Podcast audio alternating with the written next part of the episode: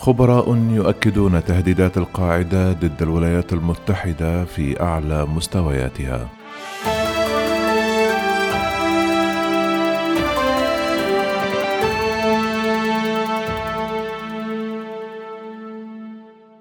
حذر خبراء من تصاعد التهديدات التي يشكلها تنظيم القاعدة ضد الولايات المتحدة إلى أعلى مستوى لها منذ عشرون عامًا، ونقلت شبكة فوكس نيوز الأمريكية عن خبراء قولهم إن الانسحاب الأمريكي السريع من أفغانستان واستيلاء حركة طالبان على السلطة أدى إلى زيادة خطر وقوع هجمات الإرهاب العالمي.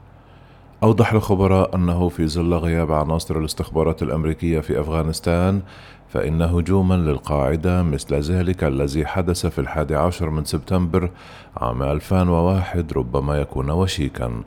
تحدث الطالبان مرارا في الأيام الأخيرة على أن أفغانستان لن تكون منطلقا لتهديد دول العالم لكن الاستخبارات الأمريكية لا تزال تشك بوجود صلة بين الحركة والقاعدة.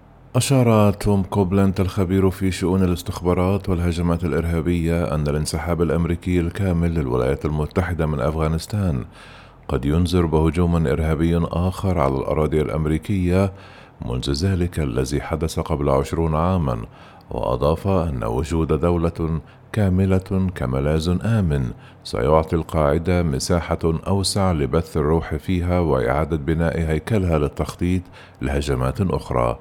وبين أنه مع سيطرة طالبان الكاملة على أفغانستان فمن المتوقع أن تنشأ القاعدة مركزا لها وتستأنف عملياتها بالكامل مما يجعل خطر الهجمات الإرهابية مصدر قلق دائم للأمن القومي في الغرب. لفت كوبلان إلى أنه للمرة الأولى منذ عشرون عاما أصبحت الولايات المتحدة عمياء في أفغانستان مع إقفال السفارة وانسحاب القوات والمخابرات من هناك. ومن جانبه يرى المؤرخ العسكري الأمريكي فيكتور هانسون أن احتمال شن القاعدة هجوما جديدا على أمريكا واقعا للغاية.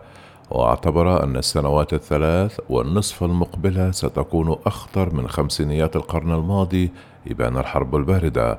ولفت إلى أن الإرهابيين يتمتعون الآن بملاذ آمن له سجل في شن الهجمات الإرهابية ضد الغرب وطالبان أكثر ابتهاجا مما سبق نظرا لجو الهزيمة التي لحقت بأمريكا والناتو مما يعني أن هؤلاء يشعرون بأن الردع الأمريكي قد تبخر.